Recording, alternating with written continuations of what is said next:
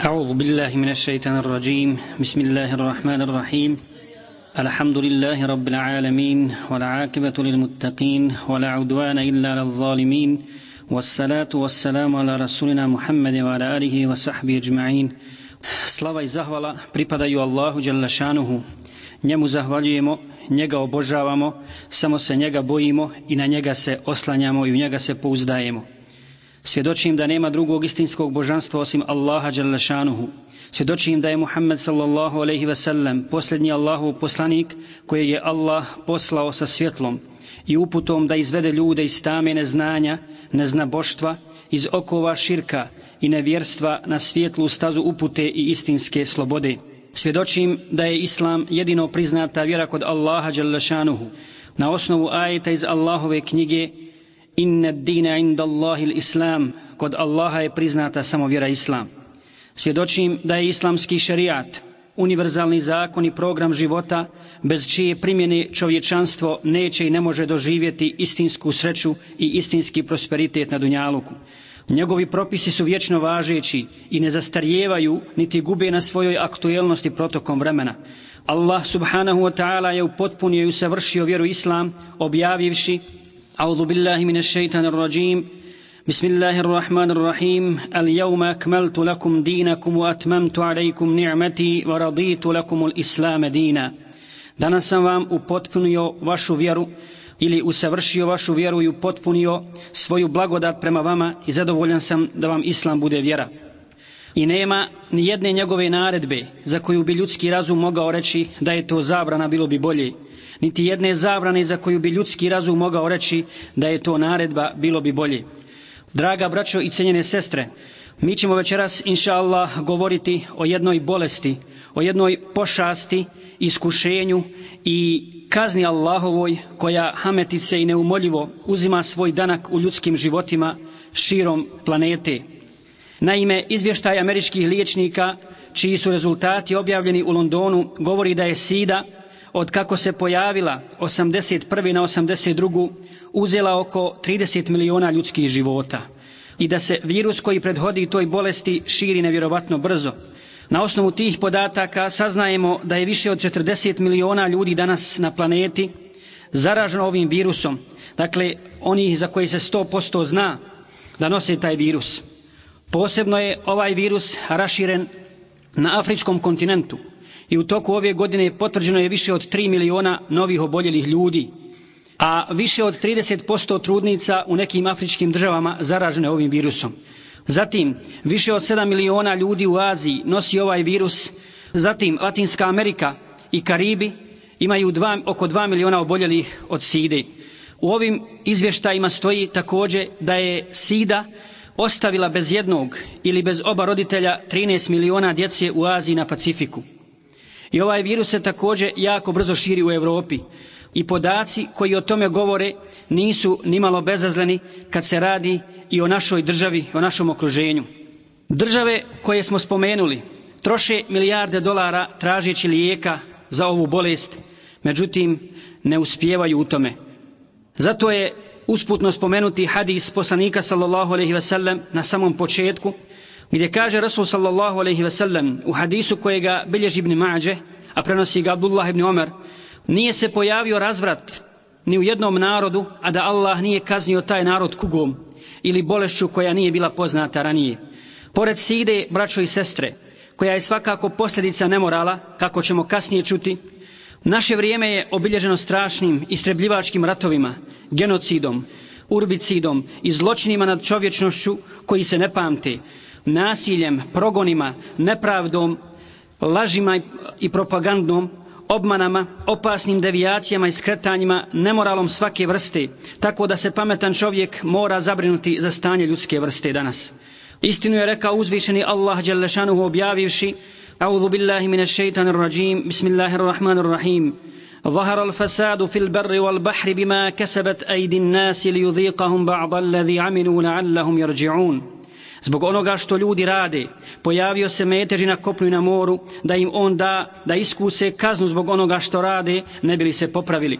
U drugom ajetu u suri Šura Allah subhanahu wa ta'ala kaže وَمَا أَصَابَكُم مِّن مُّصِيبَةٍ فَبِمَا كَسَبَتْ أَيْدِيكُمْ وَيَعْفُ عَن كَثِيرٍ Kakvo god vas zlo zadesi, to je zbog dijela ruku vaših, a Allah Đelešanuhu mnoge i oprosti. U okviru ove naše večerašnje teme ja želim spomenuti nekoliko stvari. Prije svega, želim da govorim o ciljevima šerijata. Zatim, da spomenemo uz to, dakle uz govor o ciljevima šerijata, uzroke bolesti koja se zove sida. Treće, želim spomenuti razvrat koji se danas širi među ljudima i koji je zapravo uveliko raširen i njegove posljedice. I četvrto, izlaz iz ove haotične situacije. Draga braćo i cijene sestre, dragi slušaoci, mi smo svi svjesni danas da je islamski šerijat omiljena tema kod mnogih nazovi znanstvenika, a posebno onih koji islamu ne pripadaju. I naravno o islamskom šerijatu se stalno govori u negativnom kontekstu, kao o nečem zaostalom, prevaziđenom i njegovi uzvišeni principi i propisi se smatraju surovim, neprirodnim i grubim i na taj način se stvara ružna slika o islamu i njegovim sledbenicima, a posebno onima koji se danas strogo drže njegovih propisa i koji žele da ožive ponovo čistu islamsku akidu i koji druge ljude pozivaju njoj. Tako se ljudi drže u jednoj spoznajnoj blokadi, ja bih rekao, nepravedno spriječeni da se upoznaju sa svjetlom Islama, koji im jedino može pomoći da se izvuku iz duhovne i svake druge krize. A u stvari, islamski šerijat sa svojim potpunim i cjelovitim programom i univerzalnim propisima ima za cilj sačuvati i očuvati pet nužnih stvari koje su vezane za čovjeka. Tih pet stvari su sljedeće, prije svega život, zatim vjeru, zatim razum, porodicu i čast, usto i imetak – Mi ćemo spomenuti večeras neke od ovih temeljnih odrednica ljudskog života, kao što su život, razum, potomstvo, čast i dostojanstvo. Što se tiče zaštite života, ona se može dvojako posmatrati kad je u pitanju islamska zašta života, odnosno zašta života u islamu. Prvo sa strane postojanja i drugo sa strane trajanja. I islam je sačuvao i zaštitio ljudski život i propisao i odredio tačno određena sredstva da bi se taj život zaštitio. Prvo, zadužio je čovjeka kako bi održao svoj život uzimanjem hrane, jela i pića koja su lijepa i halal, zatim korištenjem odjeće i mjesta stanovanja, a ukoliko nije u mogućnosti da to sam sebi zaradi i priskrbi, islamska država je dužna po islamskom šejatu obezbijediti takvima ove stvari. Zatim, Islam je zadužio državu da uspostavi određene institucije kako bi se obezbijedila opšta sigurnost i bezbjednost ljudi, kao što su vojska, šarijatski sudovi, šarijatska policija i tako dalje. Zatim, Islam je naredio čuvanje i zaštitu ljudskosti kao istinske vrijednosti, zabranivši sve stvari koje skrnave svetost ove ličnosti, kao što su potvora, vrijeđanje čovjeka, kao i izvršavanje šarijatskih kazni bez jasnih dokaza koje je šarijat odredio. Zatim, šarijat je propisao olakšice za čovjeka kojima je uzrok nemogućnost izvršavanja, pa tako kad je u pitanju post, Islam je odredio olakšicu bolesniku, bolesniku i putniku da mogu da ne poste u toku Ramazana, a da kasnije naposte ako su u stanju ili ako nisu u stanju zbog teške bolesti, da podijele fidiju za to. Zatim, Islam je naredio skraćivanje namaza putniku. Zatim, zabranio je Islam ubistvo kao i samoubistvo da bi zaštitio ljudski život. Zatim, Islam je obznanio i naredio džihad, borbu na Allahovom putu upravo radi čuvanja života i zaštite nemoćnih i slabih. Zatim, Islam je zadužio čovjeka da pritekne u pomoć onome koje je izloženo opasnosti kako bi ga spasio, kako bi spasio njegov život, kao što su utopljenik i tako dalje. Zatim, Islam je propisao odbranu života ako čovjek bude napadnut i toliko drži do ljudskog života da onoga ko ubije nedužnog čovjeka smatra kao da je poubijao čitav svijet, a onoga ko spasi život jednom čovjeku kao da je spasio čitavo čovječanstvo i uporedite, braćo i sestre, ove tačke koje smo nabrajali i ove ciljeve šarijata sa drugim zakonima, pa će vam biti jasno zašto se danas na zemlji širi nered i nasilje. Zašto su nečiji životi vrijedniji od drugih života, a u islamu nije tako. U jednom hadisu poslanik sallallahu alejhi ve sellem kaže dakle, da kada bismo razjasnili e, ovaj cilj šerijata, koliko šerijat drži do ljudskog života uopšteno, kaže poslanik se alejhi vezano za onoga koji je pod zaštitom islamske države. U sahih hadisu ko ubije čovjeka koji je pod zaštitom islamske države, nepravedno ga ubije, taj nikada neće vidjeti džennet. Zatim, jedan od ciljeva šerijata jeste čuvanje razuma. Razum igra glavnu ulogu u islamu i njemu je dato posebno mjesto. Prije svega, on je temelj odgovornosti i zaduženja u šerijatu. Njime je čovjek odlikovan na ostalim stvorenjima i preko njega opskrbljen za zadatak ili funkciju koja se zove namjesništvo na zemlji i nošenje emaneta kojeg su odbili nositi nebesa, zemlja i planine. Radi svega ovoga, Islam posebnu pažnju posvećuje čuvanju razuma i njegovom održavanju u zdravom stanju. Allah subhanahu wa ta'ala u Kur'anu u suri Isra kaže A'udhu billahi mine shaitanir rajim, bismillahirrahmanirrahim ولقد كرمنا بني آدم وحملناهم في البر والبحر ورزقناهم من الطيبات وفضلناهم على كثير ممن خلقنا تفضيلا Mi smo odlikovali sinove Ademove i dali smo im da kopnom i morem putuju i obskrbili smo i lijepim jelima i odlikovali smo i na mnogim stvorenjima. Kaže Abdullah ibn Abbas za ovu riječ وَلَكَدْ كَرَّمْنَا بَنِي آدَمَ Mi smo odlikovali sinove Adem ili čovjeka, odnosno Ademovo potomstvo. Pod ovom odlikom misli se na razum. Dakle, pamet, odnosno razum, je ta osobina i to svojstvo koje posjeduje čovjek i s kojim je on posebno odlikovan za razliku od ostalih bića.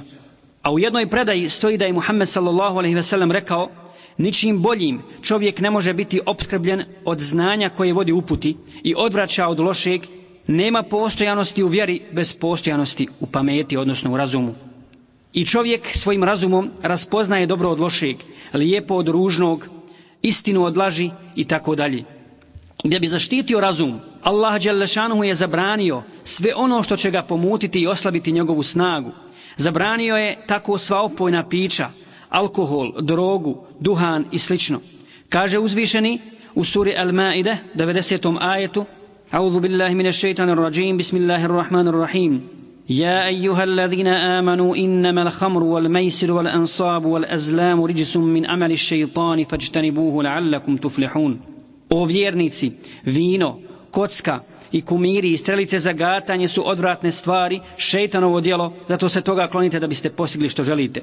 I ne samo to, braćo i sestre, već je Islam propisao određene kazne za one koji to koriste, jer se u tome krije velika opasnost kako za tog pojedinca koji izgubi pamet na jedan od ovih načina koristeći ova opojna pića, tako i po cjelokupno društvo. Spominje se jedna predaja vezana za Abdullah ibn Omera, kada su ga ashabi upitali koji grijeh smatra posle širka, dakle posle idolatrije najvećim, on je odgovorio pijenje alkohola. Pa su se okupili kod njega ashabi njegovoj kući i rekli kako to tvrdiš da je alkohol poslije širka najveći grije?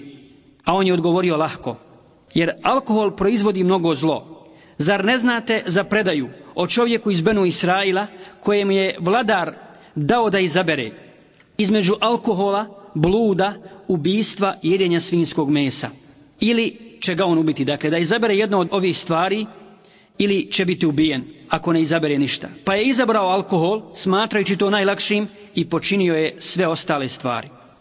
Uporedimo zatim evropske zakone ili neislamske zakone sa islamom kad je u pitanju zabrana alkohola, zabrana droge i ostalih opojnih pića.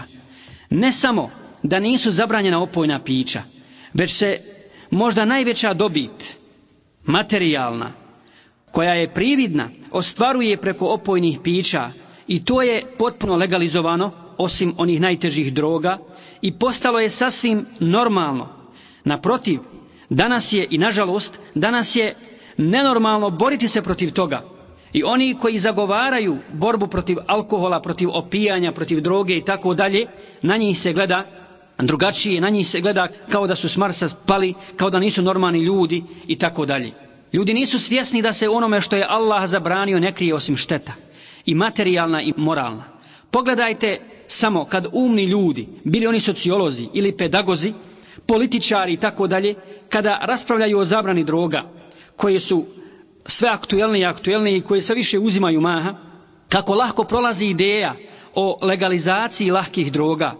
Govorimo o ovim stvarima, braćo i sestre, zbog toga što medicinari kažu da se preko šprice seksualnog odnosa ili i homoseksualnog odnosa najbrže i najlakše širi sida, odnosno se prenosi taj virus.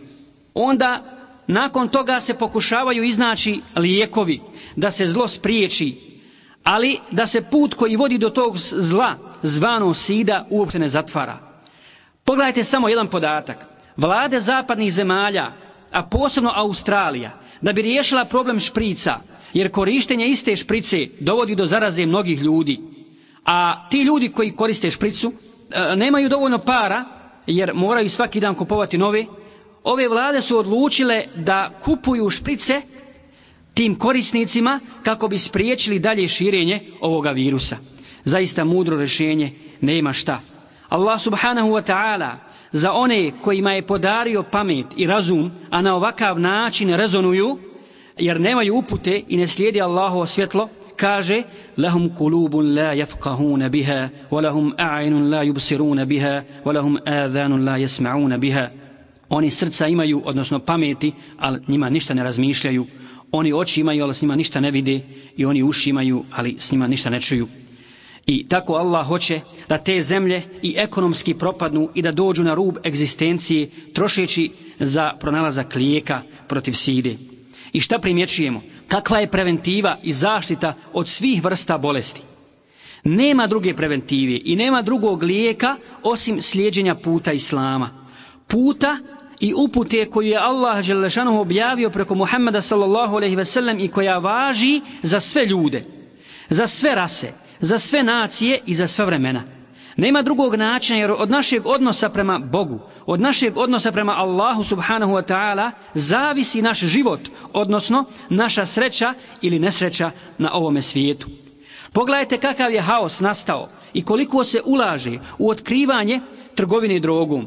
Alkohol, mogli bismo slobodno kazati, izgleda više nije uopšte interesantan. Naprotiv, on se reklamira na svakom mjestu, a ne mogu to učiniti nikako. Dakle, ne mogu da nađu pravog puta kako riješiti ovaj problem. A vjera to čini preko noći. Jer to je unutrašnji poticaj. Dakle, bez ovog ispravnog odnosa prema životu i bez poznaja Allaha Đalešanuhu nema rješenja problema. Jer svi policajci svijeta ne mogu zabraniti čovjeku da čini neki grijeh dok je on živ, ako on to hoće. On će to raditi tajno ili javno. I on neće poslušati njih. Međutim, kad čovjek spozna istinu i istinski se preda Allahu Đalešanuhu, onda mu ne treba policija, onda mu ne treba vojska, onda mu ne treba nikakva posebna zabrana i skretanje pažnje od strane ljudi, od strane robova Allahovih kao što je i on. Onda ostavlja hranu i piće ako to Allah naređuje, čak i ako su halal, kao što mi, alhamdulillah, to radimo u toku Ramazana jer u tome čovjek vidi dobro. Zna da ono što Allah naređuje da je to sigurno dobro i bez toga se duša ne smiruje. Islam odgaja razum na slobodi i rekli bismo slobodarskom duhu u pogledu razmišljanja, razumijevanja i promatranja i slijedženja dokaza, a ostavljanje taklida, odnosno slijepog slijedženja koje nije zasnovano na jasnom dokazu. Ovo je vrlo bitno i vrlo važno. Dakle, Islam kudi i napada slijepo slijedženje. Slijedženje bilo kakve ideje, bilo kakvog mišljenja, bilo kakvog vjerovanja koje nije zasnovano na jasnom dokazu od Allaha Đalešanuhu. Zato na mnogim mjestima u Kur'anu Allah subhanahu wa ta'ala kaže onima koji pozivaju u nešto drugo mimo Islama, mimo Islama u kojega su pozivali svi Allahovi poslanici, mi svjedočimo da su bili svi poslanici muslimani, Allah kaže kul hatu burhanakum in kuntum sadiqin. Reci, donesite jasan dokaz za koju istinu govorite. Zatim, Islam je podigao razum na visok stepen i posebno hvali učene ljude. I kaže uzvišeni, innema jahša Allaha mina ibadihil ulema. Od Allahovi robova najviše ga se boje učeni. Ovdje se prije svega misle šarijetsko znanje. Zatim, kaže uzvišeni, kul hel jesta villadina ja'lamuna valladina la ja'lamun. Reci, jesu li isti oni koji znaju i oni koji ne znaju. I recimo, da se preko tih opojnih pića koje smo spomenuli uopšte ne širi nikakva bolest. Zar nije, braćo i sestre, poniženje i zar ne predstavlja pravu degradaciju čovjeka kao ličnosti da sam narušava svoje zdravlje i svoju pamet i da na taj način bježi od života i od odgovornosti s kojom ga je Allah Đelešanuhu zadužio. Takav čovjek, mako on bio, ne može se potvrditi kao konstruktivna ličnost i kao pozitivan član društva.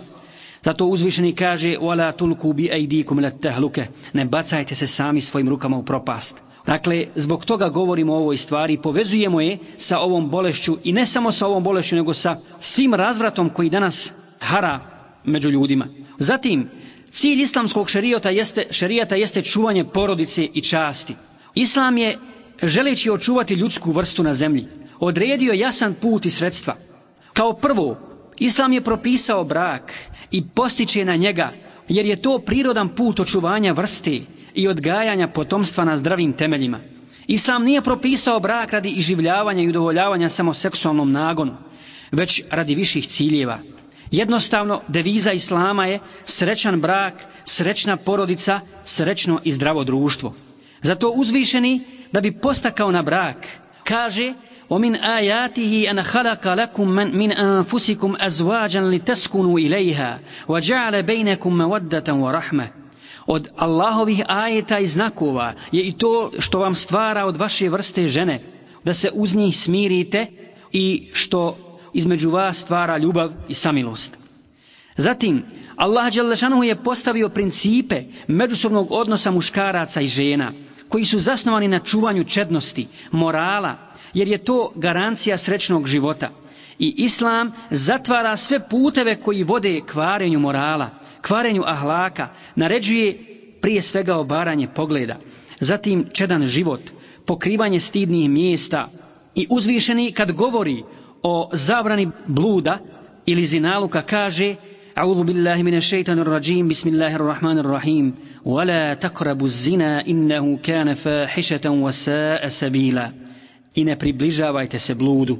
Zaista je to razvrat i ružan put.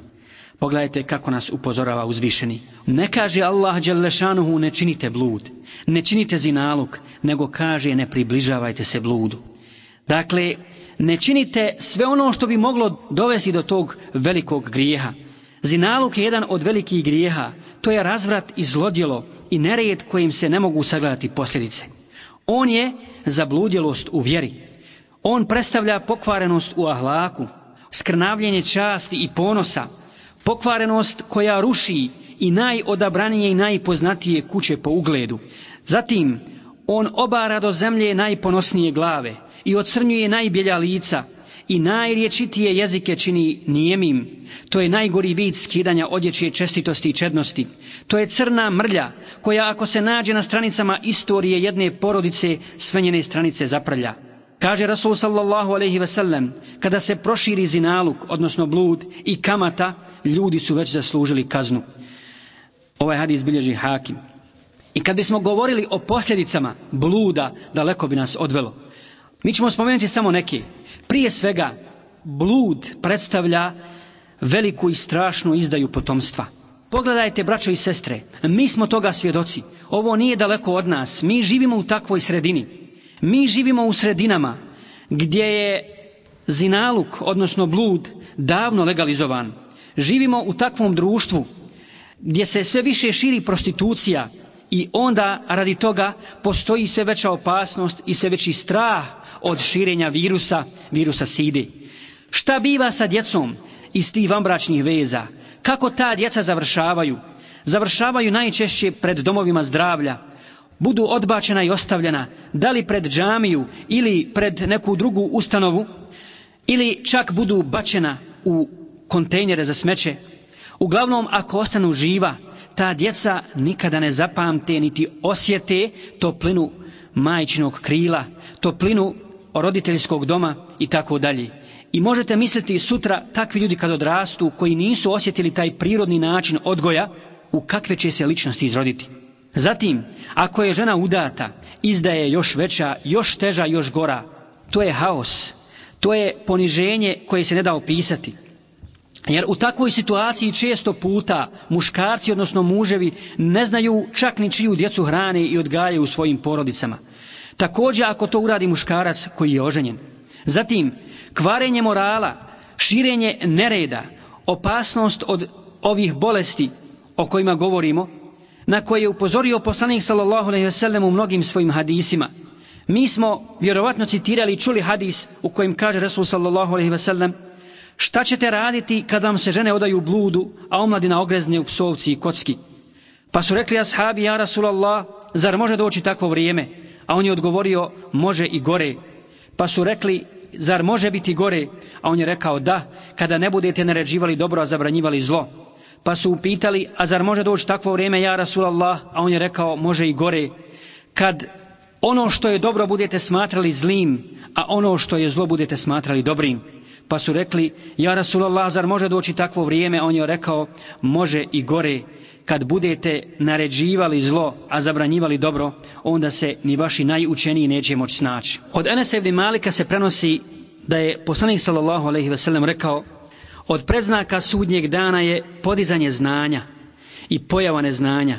Ovdje se uvijek, kad Resul s.a.v. spominje znanje i neznanje, misli na e, znanje o Allahu Đalešanu, jer to je temelj svakog znanja. Ako čovjek ne zna za svoga gospodara, i to vidimo, svjedoci smo toga, ako čovjek ne zna za Allaha Đalešanu i ne zna za uputu, onda je spreman da uradi sve i onda mu čak ne koristi ni razum.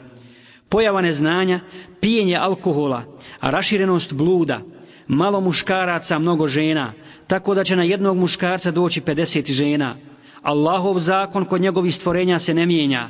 Kada se pojavi blud, Allah se rasrdi i poveća se njegova srđba i mora se osjetiti njegova srđba na zemlji u obliku kazne. Ovaj hadis bilježi Buharija i Muslim. Pogledajte, braćo i sestre, kakve su posljedice ovoga razvrata i razvratnog života i okretanja leđa Allahovoj istini Allahovoj uputi. I onda pogledajte kako se u 21. vijeku pokušava to liječiti i suzbiti. To je zaista van svake pameti. Kad se čovjek otme kontroli vjere i razuma, onda je najbjednije stvorenje. Živi na nivou potreba svoga tijela. Kaže uzvišeni za takve Dharuhum ya'kulu wa yatamatta'u wa yulhihimu al-amalu fa ya'lamun. Pa pusti ih neka jedu i neka se naslađuju i neka ih zavara nada, znači oni. Kako se to pokušava danas spriječiti? Ne zabranom bluda, već nekim drugim putem. Naime, nekakvi pametnjaković su smislili kontraceptivna sredstva. Dakle, ne, nisu zabranili blud, niti ukazuju na to. Naprotiv, sve vodi ka tome. Mi ćemo to kasnije spomenuti. Nego smatraju da se sida najbolje može spriječiti, odnosno zaraza s tim virusom, korištenjem kondoma i drugih zaštitnih sredstava. I pogledajte dokle se srozalo ljudsko društvo. Danas su javne kuće, u većini zapadnih zemalja legalizovane i takve žene, ako se uopšte mogu smatrati ljudskim bićima, su uspjele sebi izboriti svoja prava. A kakva su to njova prava? Uspjele su, prodajući svoje tijelo, obezbijediti sebi zdravstveno penzijsko i validsko osiguranje, bavijeći se prostitucijom i na kraju, kad završe svoj mandat, onda uživaju penziju zbog toga. Pogledajte, zar nije normalniji, i to jest normalno i prirodno, da danas žena koja je majka, koja živi časnim i poštenim životom u braku sa svojim mužem, koja čuva svoju čestitost, odgaja sinove i kćeri, odgaja te buduće generacije koje trebaju da budu temelj jednog društva, zar nije preče da ona dobije penziju? Zar nije preče da se njoj daje nekakva plata? Međutim, često puta takve žene i takve majke ne mogu se prijaviti na biru bez hrpe papira, a ove mogu obezbijediti sebi, nemoralne osobe mogu obezbijediti sebi čak i penzije, baveći se ovom prljavom rabotom. Neki dan je došla informacija da je u Italiju stiglo 2 miliona kondoma iz Koreje koji nisu bili kvalitetni, tako da su se te osobe zarazile i pored korištenja tih sredstava. I sad tri firme s posebnim znakom proizvode kondome sa elektronskom zaštitom prilikom proizvodnji. Tako da kažu, postoji minimalna mogućnost da iziđu nekakvi kondomi koji nisu kvalitetni i preko kojih se može desiti zaražavanje ovim virusom. A predsjednik jedne afričke države, ako ste pratili o ovoj bolesti, predložio je zabranu seksualnih odnosa u toku jedne godine. Dakle, cijelu godinu da ljudi abstiniraju od spolnog odnosa sa svojim ženama, a posebno oni koji to čine van bračno, kako bi se spriječila zaraza. Gdje je pamet ljudska? I kad pogledamo na kartu, mi smo zbog toga ponosni, alhamdulillah. Raširenost side je minimalna i skoro je nema, alhamdulillah, tamo gdje muslimani žive u većini. Mi smo spomenuli da, recimo, u Africi, u afričkim državama, najviše hara sida.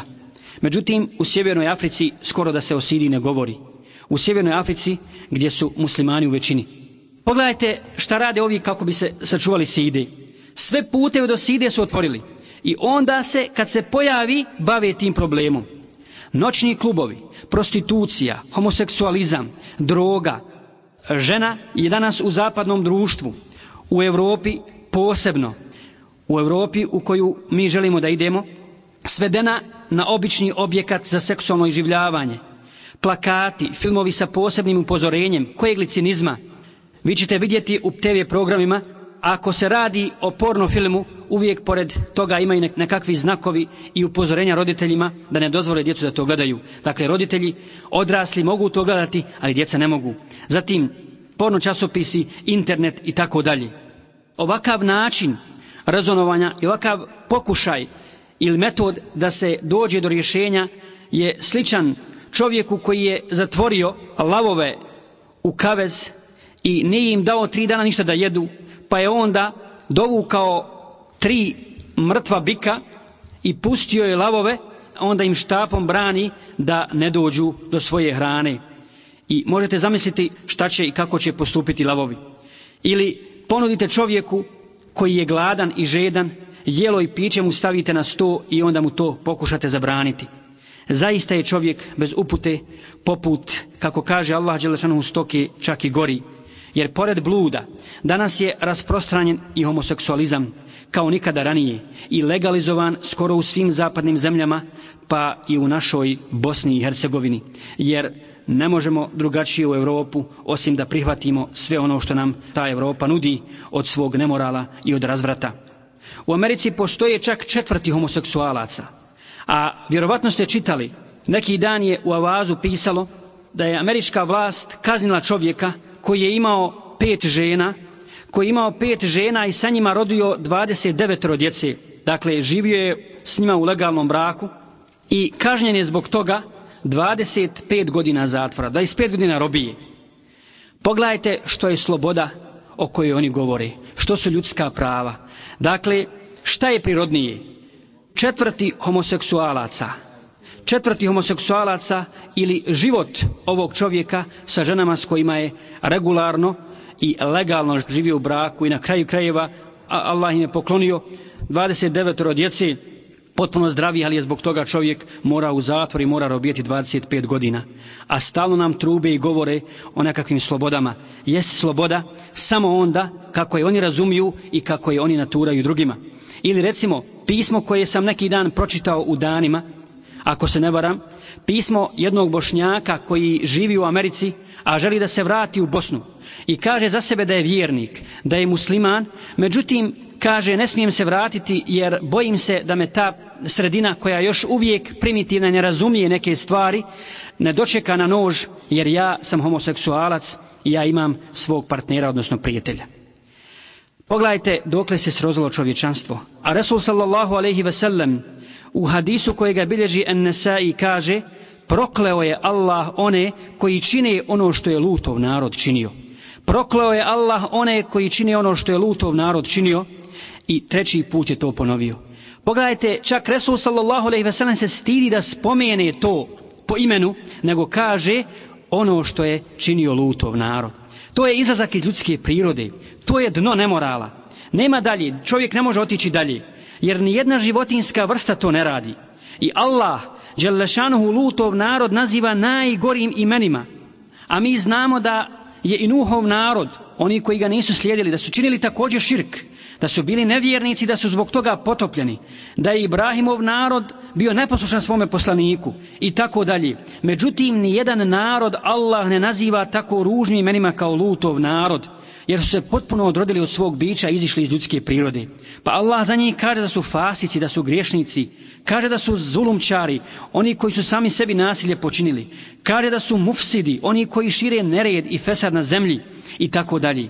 Međutim, danas u 21. vijeku čovječanstvo je otišlo i dalje. Pa imamo skupina koje imaju odnose sa životinjama, imamo pedofiloni koji to rade sa djecom i tako dalje.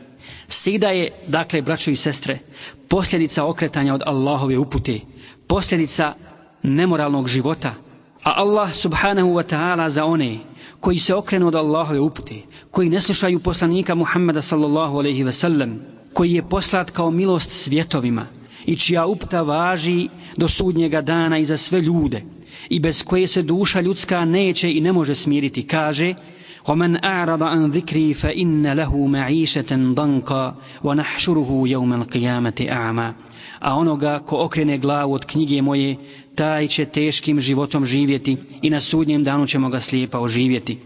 Dakle, takvi će lutati u svom neznanju, u svojoj zabludi i mraku dok ne skapaju na kraju. I kaže uzvišeni أَفَمَنْ كَانَ مَيْتًا فَأَحْيَيْنَاهُ lahu nuran نُورًا bihi بِهِ فِي النَّاسِ كَمَنْ مَثَلُهُ فِي الظُّلُمَاتِ bi kharijin minha Zar je onaj koji je bio mrtav?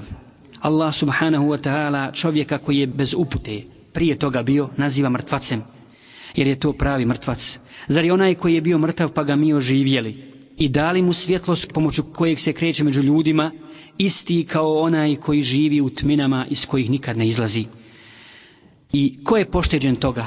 Ko je pošteđen svih ovih nedača, alhamdulillah, i svih ovih iskušenja i ovih poniženja koja se zovu raznorazne bolesti, koji se zovu nemoral, život ispod nivoa čovjeka, pošteđeni su istinski vjernici.